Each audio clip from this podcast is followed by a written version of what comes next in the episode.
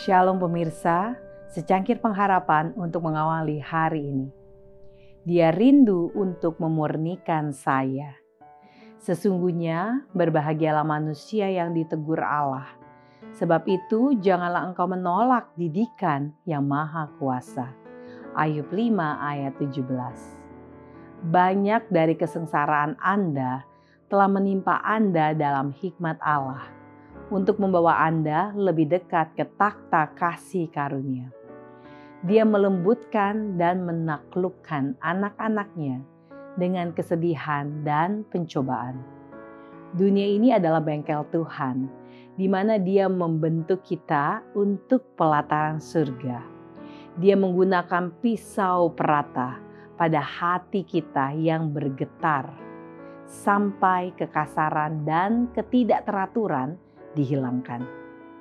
Dan kita dipasang untuk tempat yang tepat di gedung surgawi. Melalui kesengsaraan dan kesusahan, orang Kristen dimurnikan dan dikuatkan dan mengembangkan karakter menurut teladan yang telah Kristus berikan. Testimonies for the Church, jilid 4 halaman 143.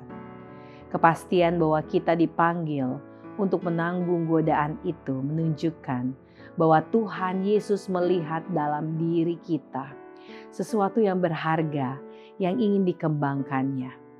Jika ia tidak melihat dalam diri kita sesuatu yang akan memuliakan namanya, maka ia tidak akan menggunakan waktunya untuk memurnikan kita. Ia tidak akan melemparkan batu yang tidak berharga ke dalam dapur apinya. Hanyalah biji logam yang berharga yang ia perhalus. Hidup yang terbaik, halaman 457. Sesungguhnya berbahagialah manusia yang ditegur Allah. Sebab itu janganlah engkau menolak didikan yang maha kuasa. Karena dialah yang melukai, tetapi juga yang membebat.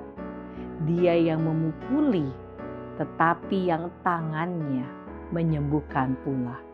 Ayub 5 ayat 17 dan 18. Demikianlah renungan kita hari ini. Mulailah harimu dengan secangkir pengharapan.